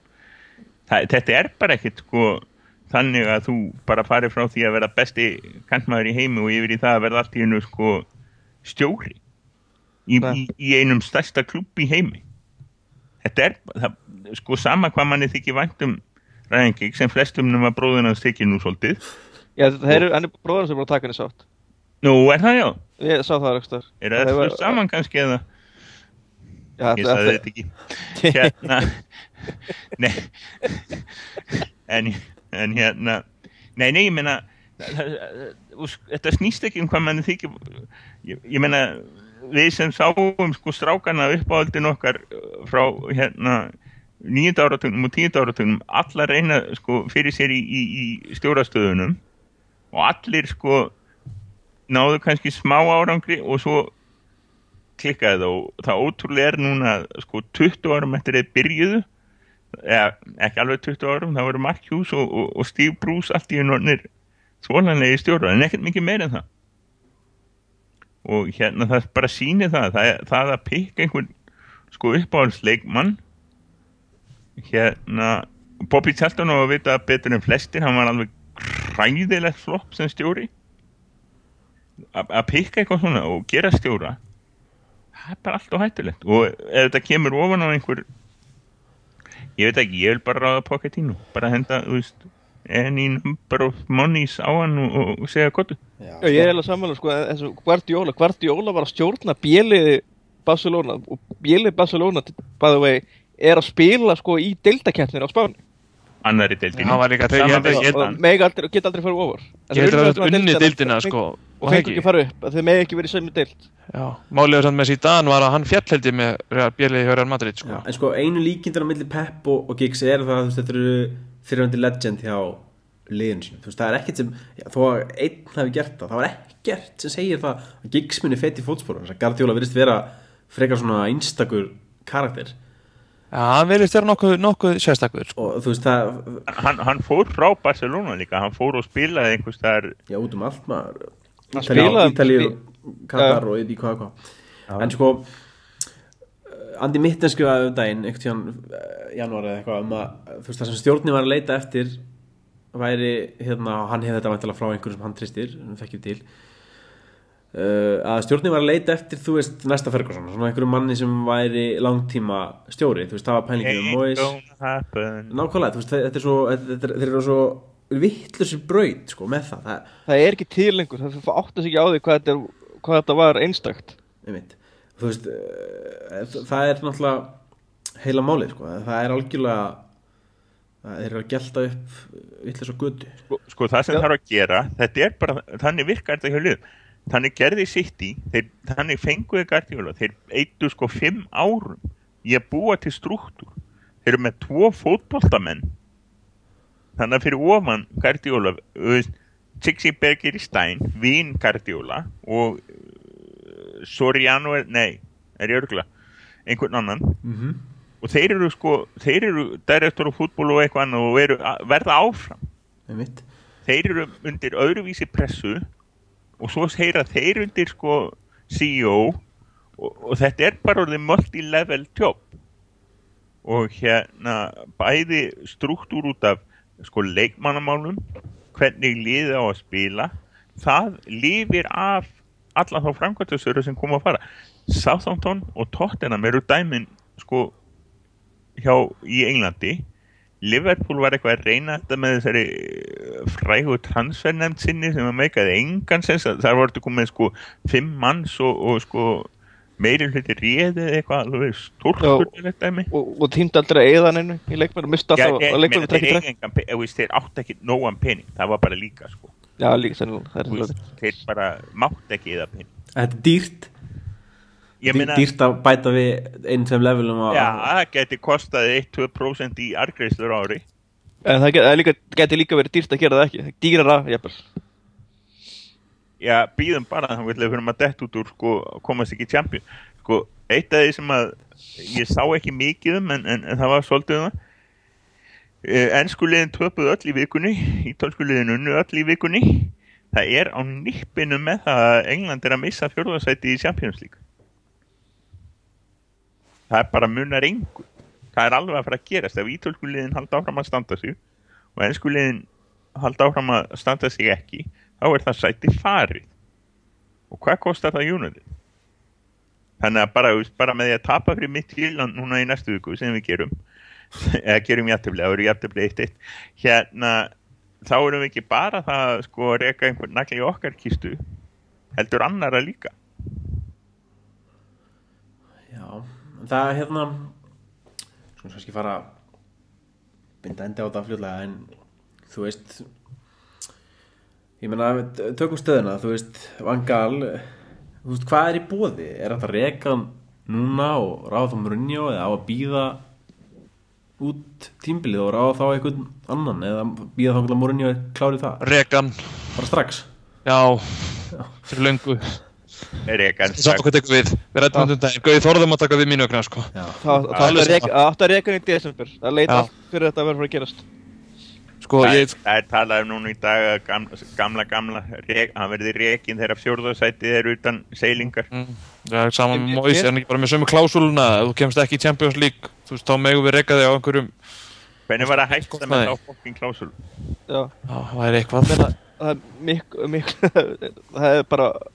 astrætt gambúl Sko, ég get alveg séð Van Gaal vera við stjórnvölin út, út tímabili, sko. En Já, ég, ég sé það alveg en það, en það er hins vegar, sko, hérna, finnst, sem sagt, ekki neitt að því að láta fara bara í fyrramálið sko. Þú veist, ég, ég held að það skipti í raun og Já, ég er alltaf að bara á Chelsea sko. sorry, ég grípa fram fyrir en þú veist, þeir, eins bjánlegt og er náttúrulega Reki Mourinho eftir að hann vann deildin í fyrra og allt það skilur, þú veist, þeir reka hann og þeim ekki búið að ganga þú veist, ég ætla bara að hugsa aftur í tíman, bara hefði Van Gaal verið rekin í desember, þú veist, er eitthvað sem hindrar það að liðið hefði það ekki þú veist, allavega náð aðeins betri úrslitum heldur en Nei, ég meina, liðin bara ganga frekar illa síðustu hvað sexu leikjum og það munna samt ekki meira en 60 upp í sitt í það, og það er það- 12 það stíg skilur svo- í toppsæti sko.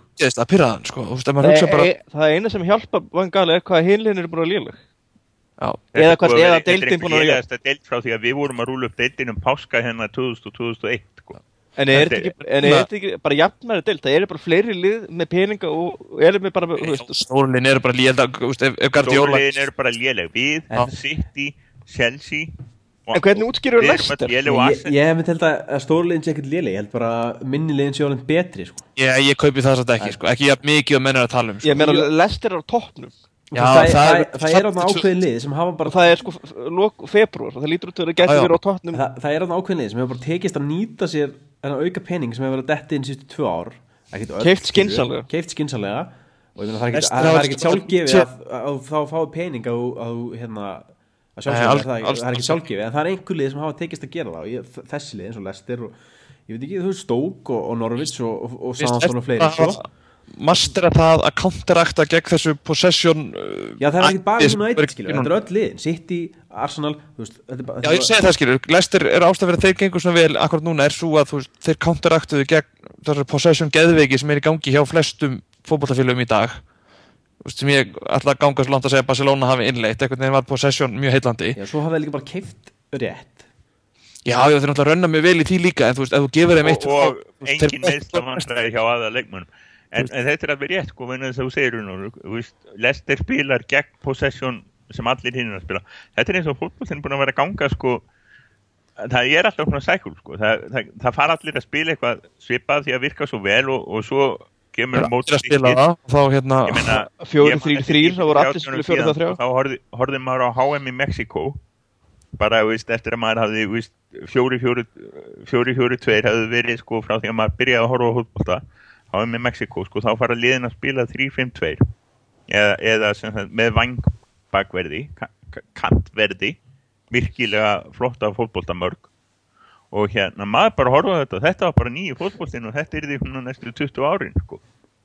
En svo náttúrulega kemur eitthvað á mótið menn finna alltaf eitthvað nýtt sko eða gammal sem virkar vel og virkar með leikmönnum.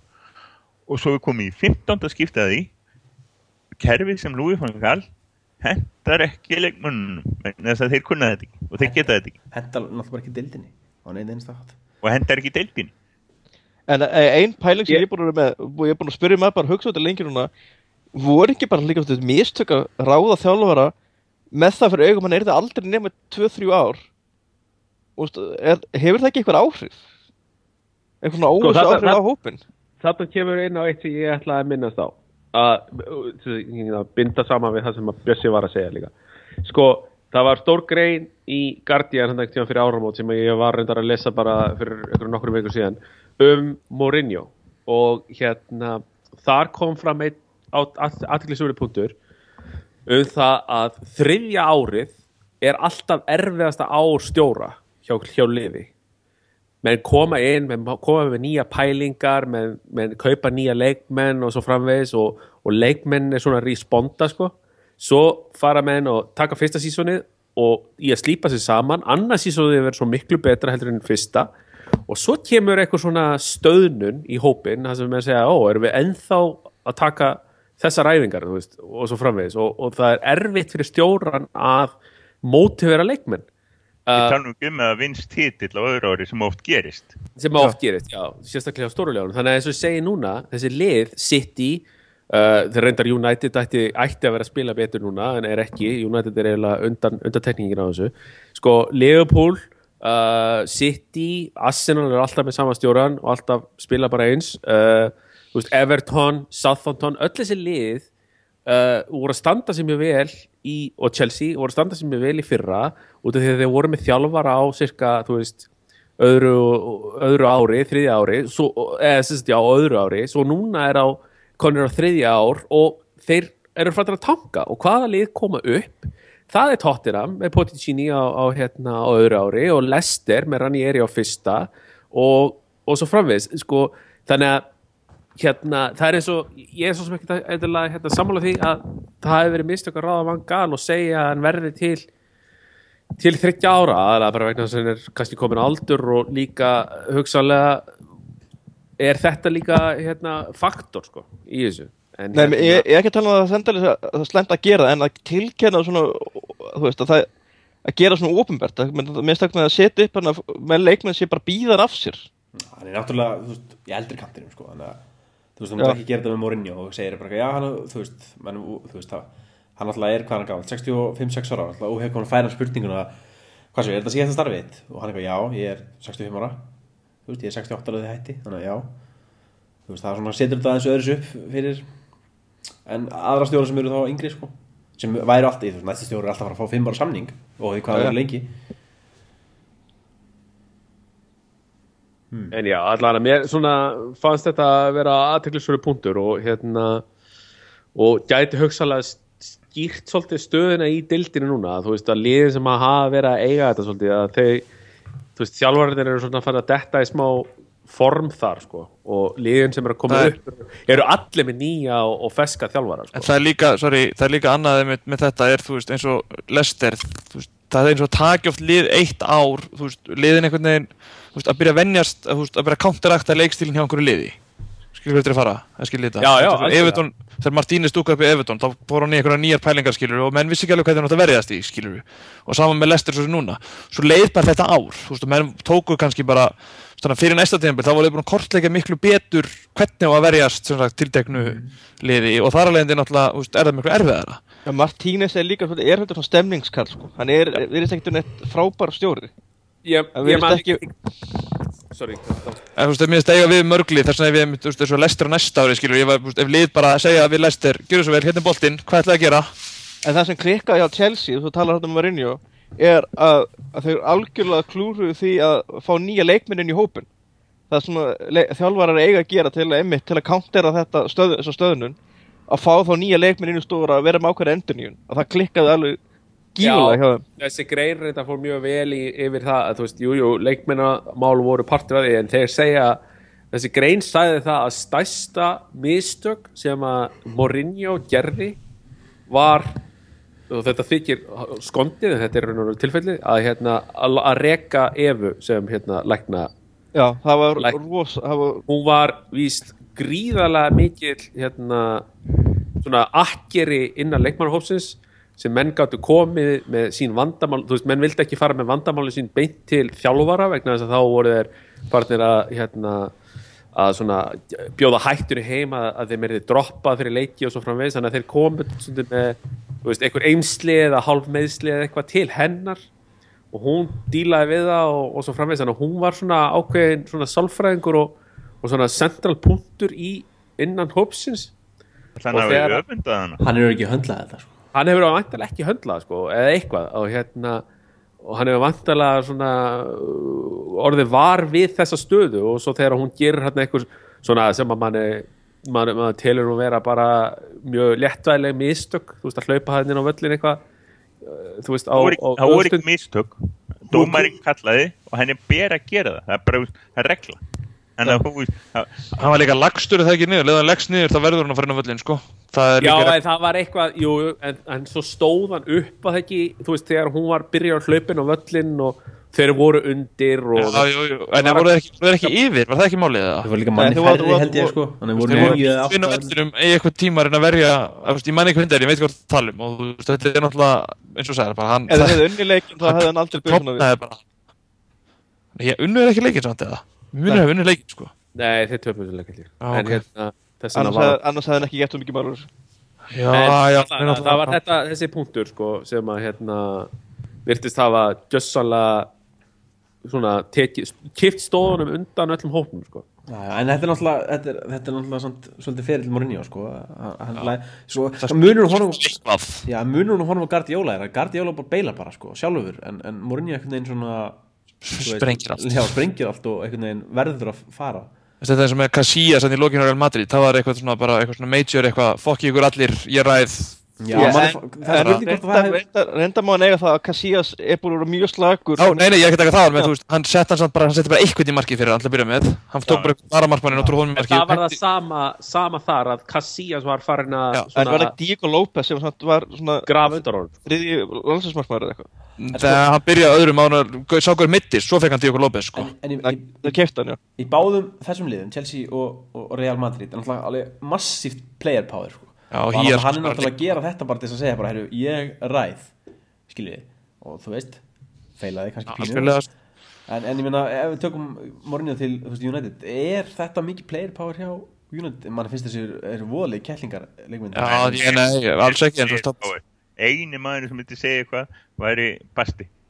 Eini maður Það er spurning hvort hann myndi sprengja hó- hópinn eða einhvern vinni veginn. kannski og- Ég held að Rúni sé inn í maður ég held að Rúni sé orðin það svona gáðar í dag að róast að hann myndi nú alveg spila með þessu sko en, en hann held ég að væri eini leikmaður sem myndi ég held líka að Bastian væri, hann er svo klári ég held að hann myndi ekki, þú veist, nenn að pikka þetta fæt, sko. Nei, ég held ekki. Eftir- heldur. Nei, ég er ekki svona, einu sinni svo vissum að, að Rúni sé eitthvað móta því að fá Mourinho og var ekki, þú veist Nei, nei, ég er að að fá að hann segja til það. Chelsea á svona tíma? Já, það er nú talað um hérna, var ekki Guardian um, bara í vikunni eða fyrir sístu viku að hérna uh, fréttum að hérna uh, svona senior leikmenn í leikmannhóknum varu búin að missa trúna á En það er samt- Rúni það er Rúni samt þá gott dæmi um- sko. Player power, þetta ekki, ef Já, en eða player power eða eða ekkert gert í því, skil Já, eða, eða, eða hefði verið, ef hann hefði verið eða, það er rétt. En En ef við þarna- förum í, sorry, ef við förum í þessa sprengjupælingu þá finnst mér nú allt Viktor Valdes fjasko hjá okkur svona ekki það að hann hafi kannski verið eitthvað svona jafnvinsæll og Sigjón taldi Evu eða segir að hún hafi verið á Chelsea en þú veist ég er ennþá því að svona fjasko spili alltaf áhrif á alla í kringum þig sko. Þetta, þetta var bara hallar Þetta er bara svo gerðist, sko. sko, og sérstaklega þegar er eitthvað sjö spánverðar hann í liðinu eða hvað segir eru margir sko Þetta var líka bara sjálfskapu viti því að það er ekki eins og að Valdis hafi verið þarna fyrir og væri með eitthvað læti Nei, nei, hann fékk- hann fekk hann sjálfur. Ég veit að mér finnst það alveg bara þetta er, þetta er, þetta er nummer eitt á listan mín bara hluti sem ekki að sens. Það er En, en, en það er eitt og hérna, greinir svo hérna, komst með um daginn hérna, hérna, tryggvi. Það sem við verðum að fara yfir sko, alltaf verið að tala um sko, neikvæðan fótbolta hjá Mourinho en sem er bara heldur ekki vatni. Hann er með sko hæst skorandi liðin í deildinni þegar hann, það er einu hann rústar alltaf það var það ekki.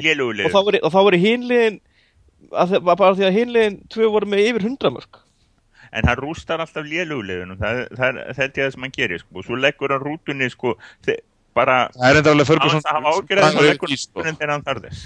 Hann gerði það bara mjög Sko- skynsælega ég meina, sér þetta með þetta Liverpool, þeir væla hann en, en þeir, hann vinnur leikin 2-0 Já, sko, Já, það sem er helst á Mourinho er það að hann spilar ekki possession fótbolta.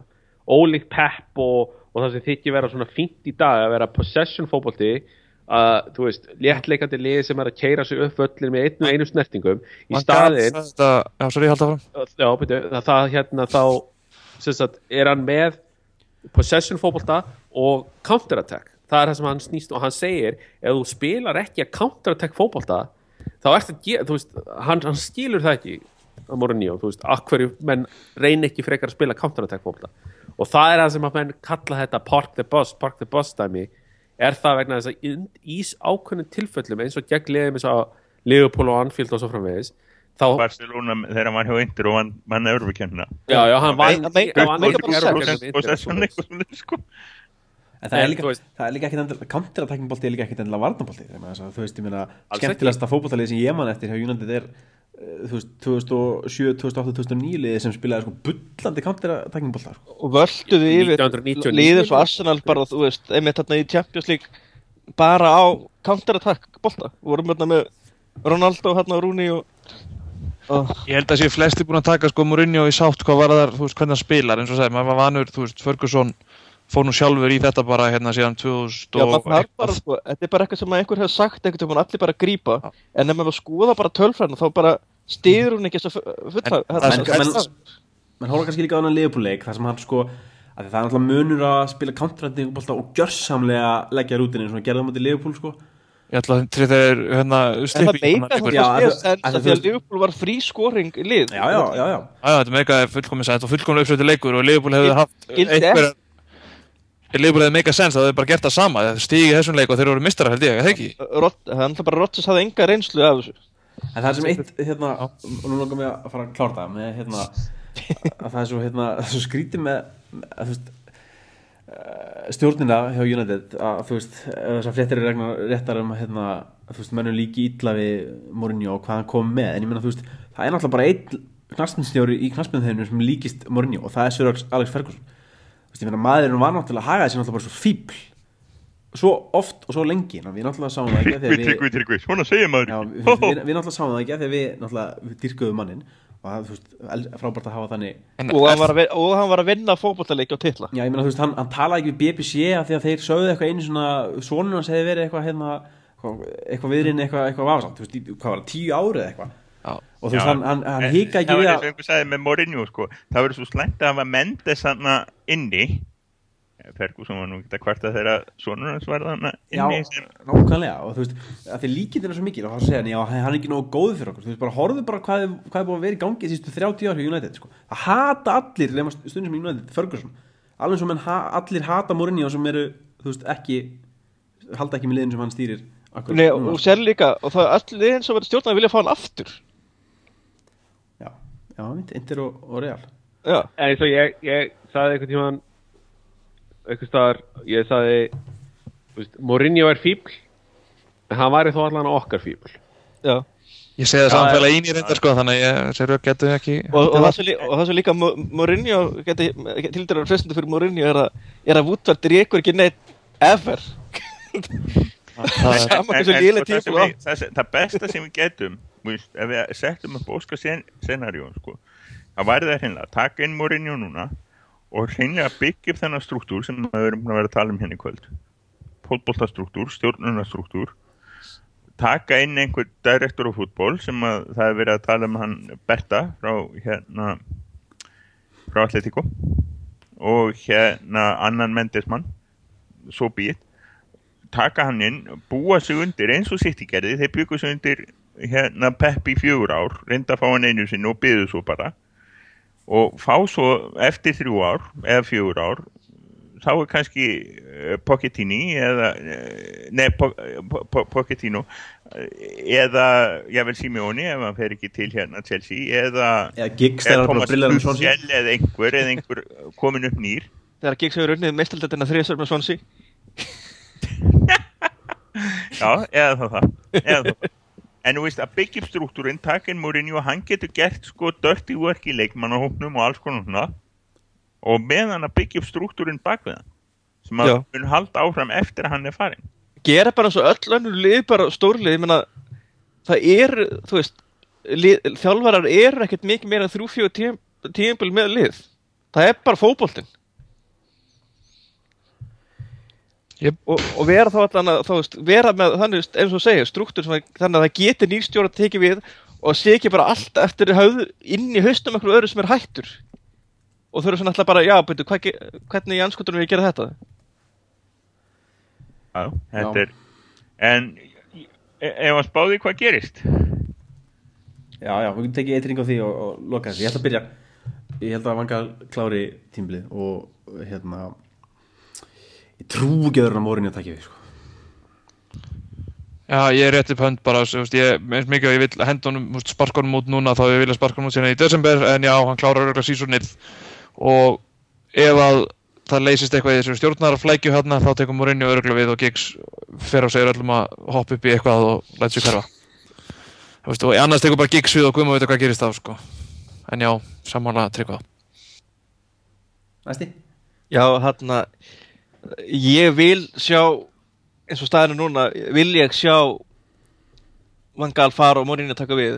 En það, en það er ekkert end, en það kemur, þú veist, sorglega ekki mikið óvart ef að það myndi enda í okkur gigs rugli. En ég skítrættu við það.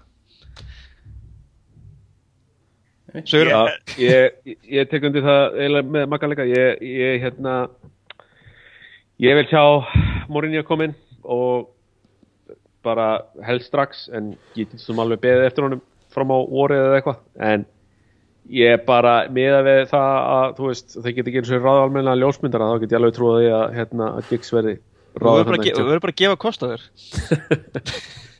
En hvernig haldið að leikunum fara hérna, Ég held að- held að- Shrewsbury fara á morgun?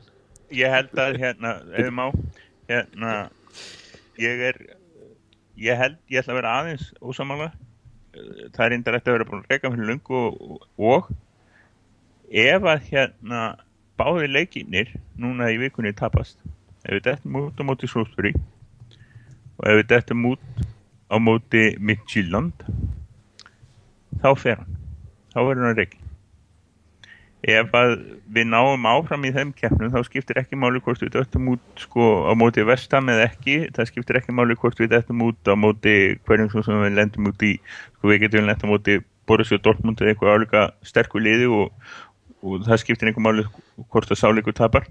En ef að þessi tveir leiki tapast núna þá fyrir hann. Annars verður hann annars verður hann út tímabilið og, Sko, ef, ef, ef þessi leiki tapast þá má reyka alla. Það er bara eins og það er. Þá, þá bara tekur þú bara listun og rýfur hann og segir bara, bara bless.